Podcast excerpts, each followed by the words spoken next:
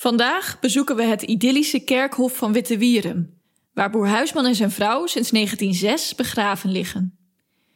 Wittewierum is een klein dorp ten noorden van de stad Groningen. Er wonen minder dan 100 mensen. De kerk, de pastorie en het kerkhof liggen op een wierde, een kunstmatige heuvel, en zijn al van verre zichtbaar in het vlakke Groninger landschap. Een wandelpad met een toegangshek leidt over de wierde, achter de kerk en het kerkhof langs. Sliert en mist geven de dodenakker uit de 17e eeuw een mysterieuze sfeer. Tussen de circa 70 verweerde en scheefgezakte dekstenen en grafzerken lopen felgekleurde pauwen rond. Zodra wij met onze stemmen de kalmte verstoren, slaan ze luidkeels alarm en gaan er snel vandoor.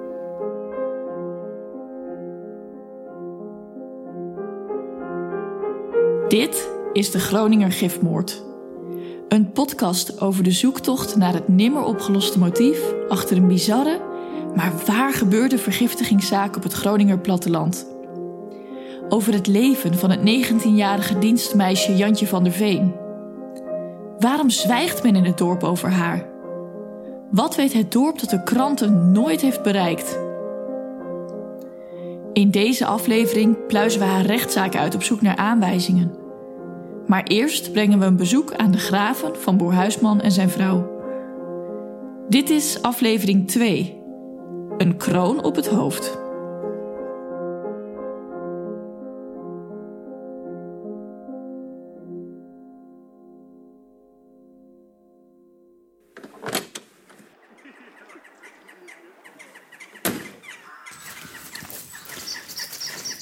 In aflevering 1 hoorden we dat boer Huisman en zijn vrouw Grietje Alkema door de dienstmeid zijn vergiftigd met rattenkruid.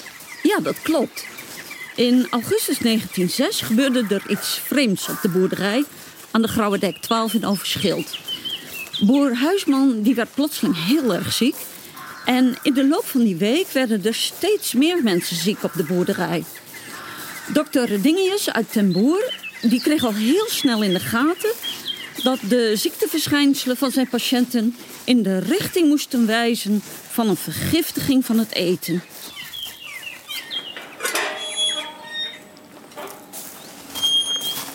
En wat maakt deze vergiftigingszaak voor jou nou zo bijzonder? Nou, wat mij zo fascineerde was dat de vermeende dader nog maar een heel jong en levenslustig meisje was. Die maandenlang volhield dat ze onschuldig was. Het verhaal klopte gewoon niet. En wat klopt er dan niet aan het verhaal? Nou, wat mij zo dwars zit, is de onevenredigheid tussen het motief van de daad en de daad zelf. Je moet de gebeurtenissen wel in het juiste perspectief zetten. Die dienstmeisjes die waren opgegroeid in de standenmaatschappij van toen. Ze hadden van hun ouders meegekregen dat hun rol onderdanig moest zijn en dat ze precies moesten doen wat de boerin hen opdroeg. Bovendien had Jantje al bij andere families gewerkt, dus ze wist wel hoe ze zich moest gedragen. Oké. En door hun gemopper had Jantje blijkbaar zo'n afkeer van de familie Huisman gekregen dat ze de boer en zijn vrouw een poosje wilde laten zwijgen. Maar jij denkt dat het gemopper van haar werkgevers niet de ware reden voor de vergiftiging was? Want daar waren die dienstmeisjes wel tegen bestand, toch? Ja, Jantje was een zelfverzekerd type met een mond op de juiste plek. Nee, daar moet veel meer gebeurd zijn. Kijk, ze kwam op 12 mei in dienst. Twee maanden later was het de brand en begon het gemopper van de boerin. En nog weer een maand later begon de vergiftiging. Dus binnen drie maanden na indiensttreding zou Jantje van een doodnormaal meisje veranderd zijn in een gifmengster. En dat alles vanwege het gemopper van de boerin. Nee, dat klinkt niet echt logisch. Maar wat ik ook vreemd vind, is dat er in het dorp gezwegen wordt. Zelfs de voorzitter van de historische vereniging van Garrelsweer adviseerde mij het verleden met rust te laten. Hij wilde niet ingaan op mijn vragen. Oh, echt? Nee, raar hè? Volgens mij zijn dit de graven van boer Huisman en zijn vrouw. En van wie is dat derde graf dan? Nou, ik heb gelezen dat uh, Wieger Jacob Huisman tussen zijn vrouw en hun overleden dochtertje Anne Margaretijn ligt. Maar de dekstenen zien er slecht uit, zeg. Veel scheuren. Ja, men zegt dat de grafstenen en zerken hier scheuren en verzakken door de gaswinning en aardbevingen. Maar het is wel een beetje luguber, hè? Kun jij lezen wat hier staat? Bedoel je het onderschrift op het graf van Grietje Alkma? Ja. Volgens mij staat daar... Als ge een kruipend wormpje ziet... O, vertrap of deer het niet. Want hoe klein het wezen moog... God beschouwt het van omhoog. Uh, zullen we even in de kerk gaan zitten? Is die wel open dan? Dat weet ik niet, maar um, als op het Groningen platteland een kerk op slot zit... dan kun je de sleutel wel ergens ophalen. Oké. Okay. Vielen er in deze vergiftigingszaak eigenlijk nog meer slachtoffers naast de boer en boerin? Uh, nee, alle anderen overleefden de aanslag op hun leven. Alhoewel uh, Grietje Doornbos ten nauwe nood aan de dood is ontsnapt. Dat is echt op een haartje na goed gegaan.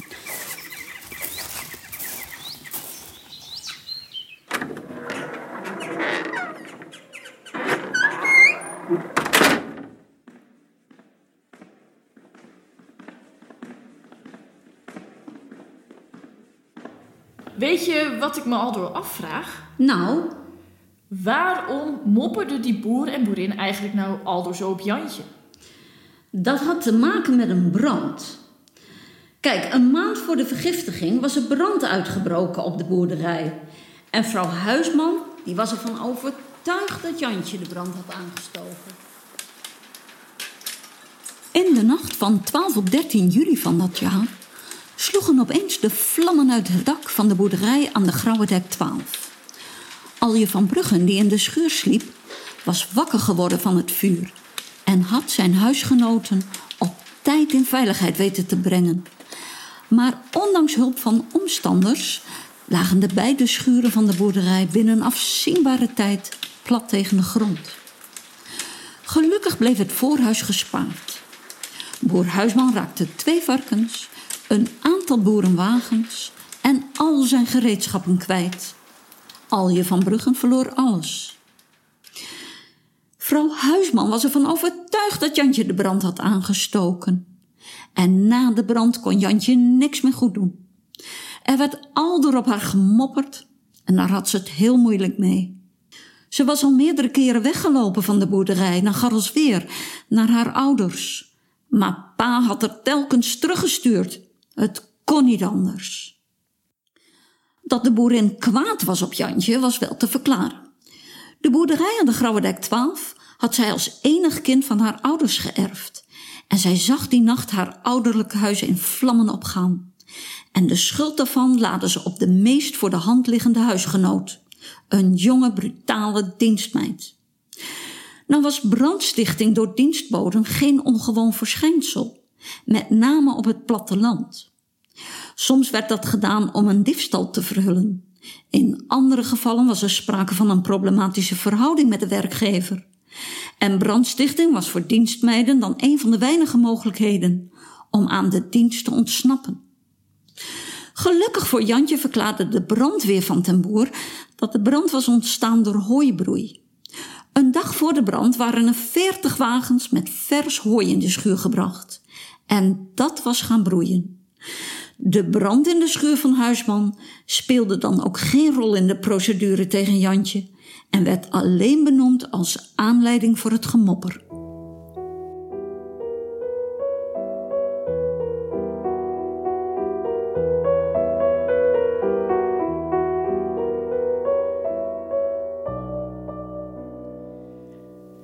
Na 25 augustus, de dag waarop Boer Huisman overleed, begonnen de krantenberichten rondom dit gifschandaal door het hele land op gang te komen. In het nieuwsblad van het Noorden verschenen de rouwadvertenties van Wieger Jacob Huisman en Grietje Jans Alkema. Op maandag 27 augustus 1906 schreef de Winschoten Courant dat Jantje op vrijdag 24 augustus als verdachte was binnengebracht bij het Huis van Bewaring in Groningen en ter beschikking van justitie was gesteld. Nog dezelfde dag werd ze verhoord, maar ze ontkende alle schuld. Er werd in de gevangenis niemand bij haar toegelaten. De doktoren Postumus en Tijmstra werden door justitie belast met sectie op het lichaam van de boer in het Academisch Ziekenhuis van Groningen. De volgende dag, op 28 augustus, kregen de apothekerschemisten Dr. De Zaaier en Dr. Tonella uit Groningen opdracht tot een scheikundig onderzoek van een stopfles met een hoeveelheid karnemelk en een kistje met twee flessen met braaksels van Jan-Jacob Huisman en Ietje Wieringa. Negen dagen later, op 6 september, vond Jan-Jacob Huisman, de oudste zoon van de familie, direct na de begrafenis van zijn moeder het platte blikken doosje met wit poeder in de lade van de tafel in de oostelijke kamer van de boerderij. De volgende dag nam de burgemeester van Ten Boer het platte blikken doosje in beslag. Alle bewijsstukken werden door de veldwachter naar de rechtbank in Groningen gebracht.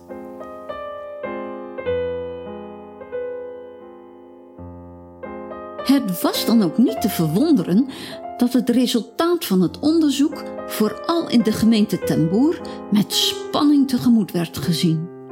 Geruchten begonnen op gang te komen over de motieven van de dienstmeid en haar naam werd al gauw in verband gebracht met sterfgevallen in families waar zij eerder had gewerkt. Aan de Grauwe Dijk werden ondertussen getuigen gehoord en werd het gerechtelijk vooronderzoek tegen Jantje van de Veen voortgezet. Op 20 september had Jantje van de Veen nog steeds geen bekentenis afgelegd. Ze bleef volhouden onschuldig te zijn aan de misdaad waarvan men haar verdacht. Zelfs een confrontatie met het lijk van boer Huisman bracht geen verandering in de onverschillige houding van Jantje. Op 6 oktober 1906 bekende Jantje van de Veen dan tenslotte toch schuld. Maar deze bekentenis kwam op een merkwaardige wijze tot stand. Na verluid vroeg Jantje op zekere dag aan de cipier, de heer J. Schrijfpapier. En ze kreeg drie velletjes.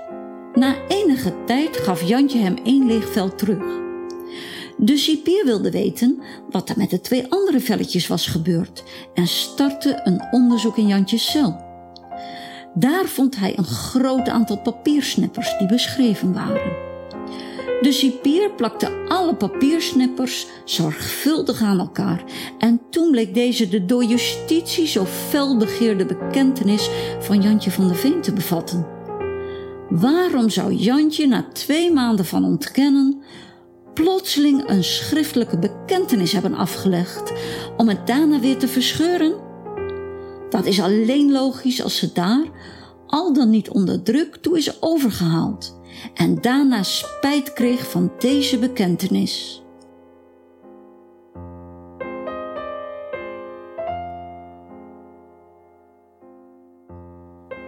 Nou moet je niet denken dat die verscheurde bekentenis door een oplettende bewaker van de gevangenis in Arcel is gevonden. Nee, een cipier was in die tijd de directeur van een minder grote gevangenis. Deze cipier, de heer J. Wolt, werd met ingang van 1 mei 1907 benoemd tot adjunct-directeur van de strafgevangenis in Alkmaar, terwijl hij nog maar kort als cipier in Groningen werkzaam was. De heer Wolt werd door zijn superieuren zeer gewaardeerd, getuige de hoogste eervolle benoeming welke hij nu mocht ontvangen, al dus het Nieuwsblad van het Noorden van 3 april 1907. Zou deze hoogst eervolle benoeming iets te maken kunnen hebben gehad met de vondst van de verscheurde velletjes in Jantjes cel? Hoe dan ook, met de opgelapte bekentenis van 6 oktober 1906 in de hand kon het Openbaar Ministerie de aanklacht tegen Jantje van der Veen voorbereiden voor de hoorzitting van woensdag 12 december 1906.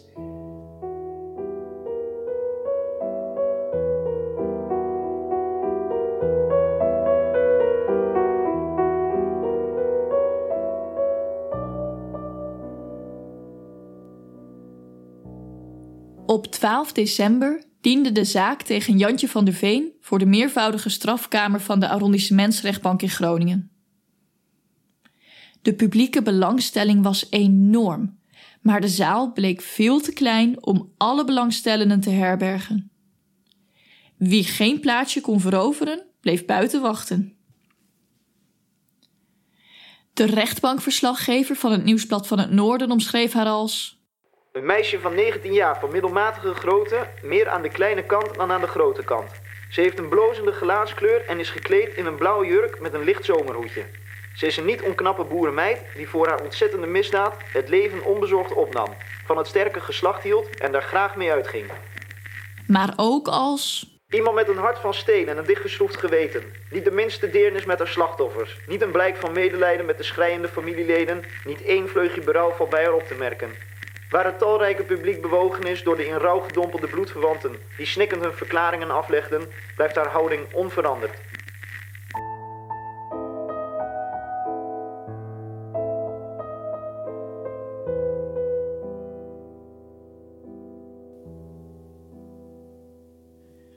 De zitting werd geopend door meester de Zitter en Jantje van der Veen werd binnengebracht. Nadat de feiten achtereenvolgens waren uiteengezet en toegelicht, werd Jantje door meester de Zitter ondervraagd. Jantje bekende dat zij op 15 en 16 augustus een hoeveelheid vergif in de boter en in de gort had gedaan, waarvan zij wist dat deze voor boer Huisman en zijn vrouw Grietje Alkema waren bestemd. Maar ze ontkende dat ze de boer en zijn vrouw had willen doden. Op de vraag naar de reden van haar daad antwoordde Jantje dat ze de oude lui Huisman alleen ziek had willen maken om een poosje van hun gemopper af te zijn dat was begonnen na de brand in de schuur op 13 juli van dat jaar. In plaats van het vergif had zij meel in het blikken doosje gedaan om verdenking te voorkomen. Toen alle getuigen waren gehoord door de rechter, kreeg ze nog meer schijn tegen zich.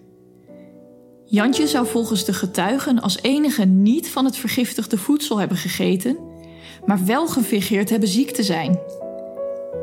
En op de dag voordat zij het vergif door de boter van de boer strooide, zou ze onder het middageten aan het overige personeel hebben gevraagd hoeveel rattenkruid een mens eigenlijk kon verdragen, zonder dat er voor die vraag enige aanleiding bestond. De zaak van Jantje was niet zomaar een zaak. Er werden in totaal zeker 24 getuigen gehoord, waaronder ook getuigendeskundigen.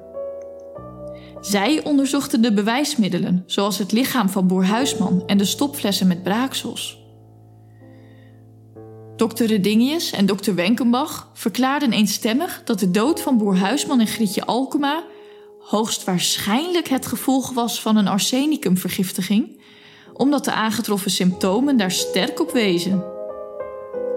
De heren De Zaaier en Tonella, doktoren in de farmacie en apothekers, verklaarden bovendien dat de beide braaksels arsenicum bevatten.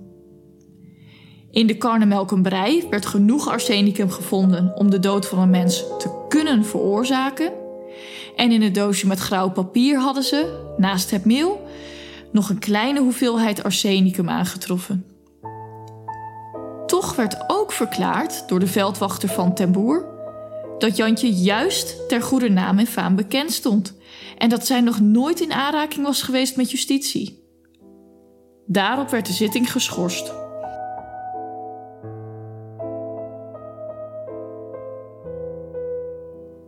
Om half twee werd de zitting hervat. Uit de eis van meester van Kleffens, de openbaar aanklager, bleek dat Jantje aanvankelijk in het gerechtelijk vooronderzoek had gelogen en zelfs Grietje Alkema verweten had haar eigen man en zichzelf vergiftigd te hebben. Meester van Kleffens nam het feit dat men door toeval achter de waarheid was gekomen zeer ernstig op.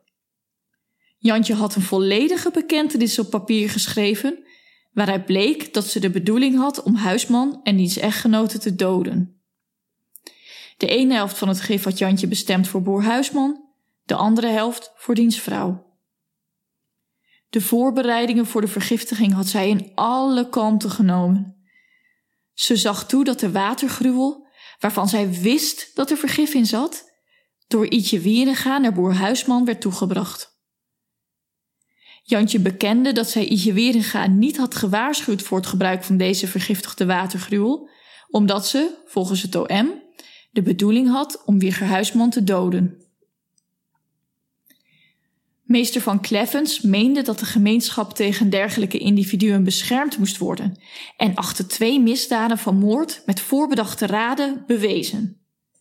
Hij eiste een levenslange gevangenisstraf.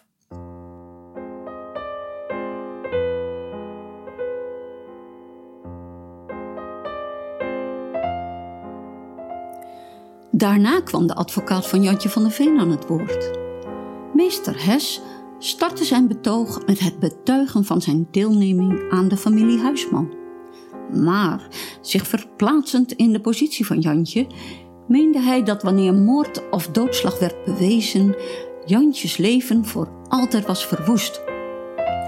Meester Hes bestreed het bewijs van het ten laste gelegde, vooral het bestaan van de opzet om te doden. Het was volgens hem enkel de bedoeling van Jantje geweest de mensen ziek te maken. Daarnaast hadden de deskundigen alleen in het lijk van de heer Huisman arsenicum aangetroffen. En dan nog wel zo weinig dat zij daaruit geen enkele conclusie konden trekken. De vijf getuigendeskundigen hadden eenstemmig verklaard dat de dood van het echtpaar Huisman hoogstwaarschijnlijk het gevolg was van een arsenicumvergiftiging, maar dat zij het causale verband tussen de dood van het echtpaar Huisman en het toedienen van arsenicum onvoldoende hadden aangetoond.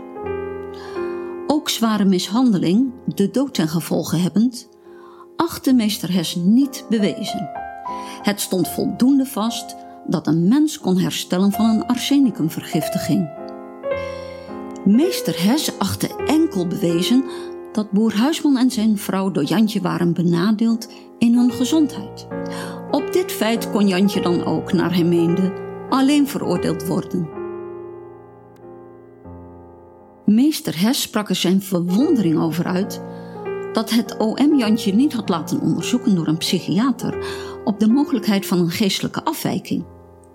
Tijdens het eerste verhoor van Jantje op 24 augustus werd een psychiatrisch onderzoek door de officier van justitie niet nodig geacht, want hij zag in haar geen gek. Op meester Hes maakte Jantje echter de indruk dat zij geen normaal mens was. Ook na herhaald bezoek in de gevangenis was zij voor meester Hes een raadsel gebleven. Hij vroeg de rechtbank om een onderzoek naar haar geestesvermogens en daarvoor voerde hij vier gronden aan. Ten eerste, de onevenredigheid tussen het motief van de daad en de daad zelf. Ze moest wel abnormaal zijn indien zij vanwege het feit dat haar meesteres altijd op haar mopperde, besloten had om twee mensen te vermoorden.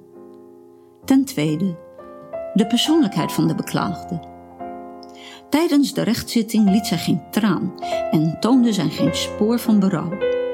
De behandeling van de zaak leek helemaal langs erheen te gaan. Ze had er een gewoonte van gemaakt om s'avonds alleen naar het kerkhof te gaan om daar, op graven van onbekenden, te gaan zitten mijmeren over leven en dood. Ten derde, de mogelijkheid van erfelijke belasting. Een tante van de moeder van Jantje was als krankzinnige in een gesticht overleden. Twee ooms van de moeder hadden zich door ophanging van het leven beroofd. Een derde oom pleegde vermoedelijk zelfmoord. En een neef van Jantje was recentelijk krankzinnig geworden. Ten vierde, Jantje pleegde haar daad in een periode van menstruatie die invloed kon hebben gehad op haar psychische toestand. Meester Hes beriep zich nog op literatuur waarin werd betoogd dat vergiftigingsgevallen vaak met hysterie in verband stonden. De zitting werd daarop enige ogenblikken geschorst. Het OM zag geen reden voor het instellen van een psychiatrisch onderzoek van Jantje en hield vol dat Jantje de opzet had gehad om te doden en bleef bij zijn eis. Meester Hes wilde het zekere voor het onzekere nemen en haar toerekenbaarheid door deskundigen laten onderzoeken.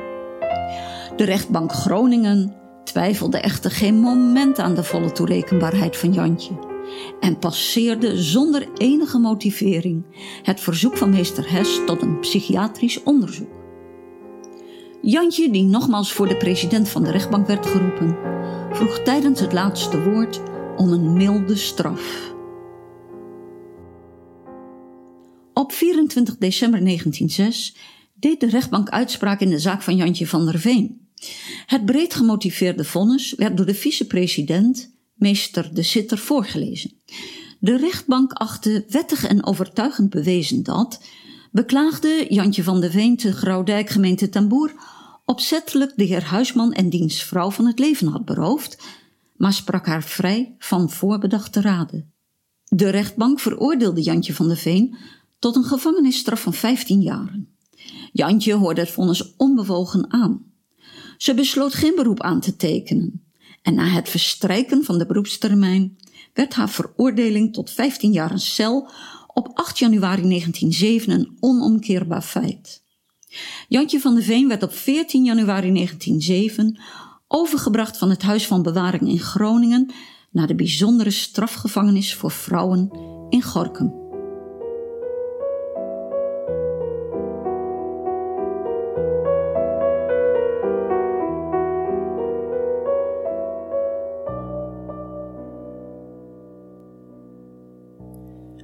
De rechtbank was ervan overtuigd dat gemopper van de boerin de reden was dat Jantje tot haar daad was gekomen. Maar wij willen, nee wij kunnen niet geloven dat zo'n jonge vrouw, amper de kinderschoenen ontgroeit, zo'n gruwelijke daad pleegt, zonder dat daar een andere reden voor is dan wat gemopper. Over het daadwerkelijke motief valt ook na de rechtszitting geen zinnig woord te zeggen maar we kunnen wel een gooi doen naar een mogelijke verklaring. Veelzeggend daartoe is het krantenartikel uit de Winschoter Courant van 18 januari 1907, waarin Jantje opnieuw haar schuld aan de dood van boer Huisman en zijn vrouw ontkent.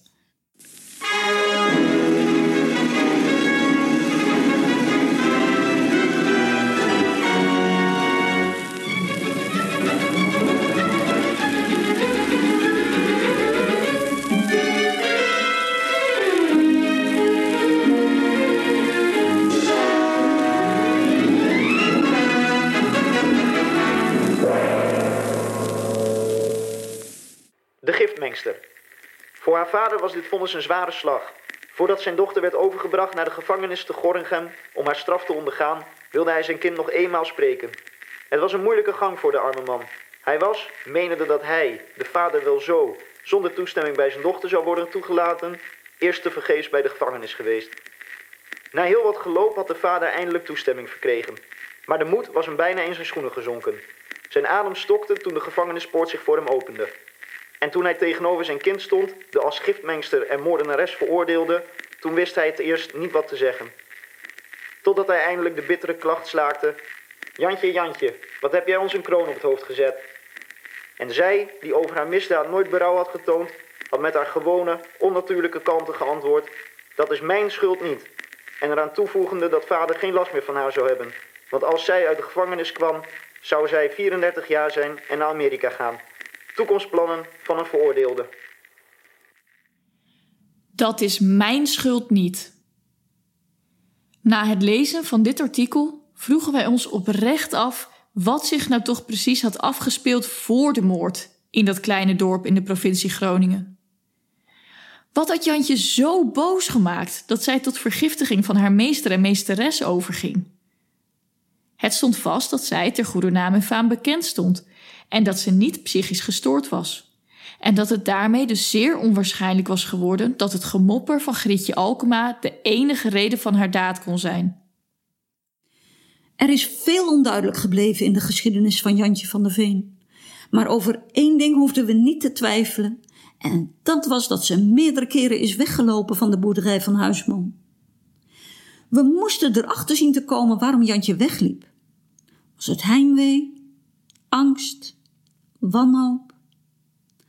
Haar ouders stuurden haar telkens terug en namen schijnbaar geen aanstoot aan de reden van haar weglopen. Maar het was duidelijk dat Jantje zich in de zomer van 1906 in een uitzichtloze situatie bevond. Het lukte haar niet om de boerderij te ontvluchten, wat voor reden ze daar ook voor mocht hebben gehad. Zou ze dan toch? Nee, nee, het was hooibroei, punt. We moesten gewoon nog dieper graven. Dat was zeker.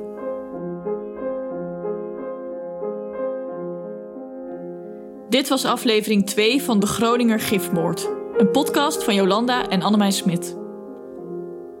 Was Jantje echt de dader van de aanslag op Wieger Huisman en zijn vrouw?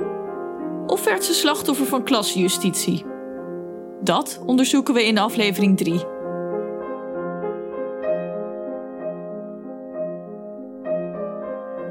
Justin Smit was in deze aflevering stemacteur. De intro- en outro-muziek is gemaakt en gespeeld door Marijn Bults en het omslagontwerp werd verzorgd door Arthur Geel.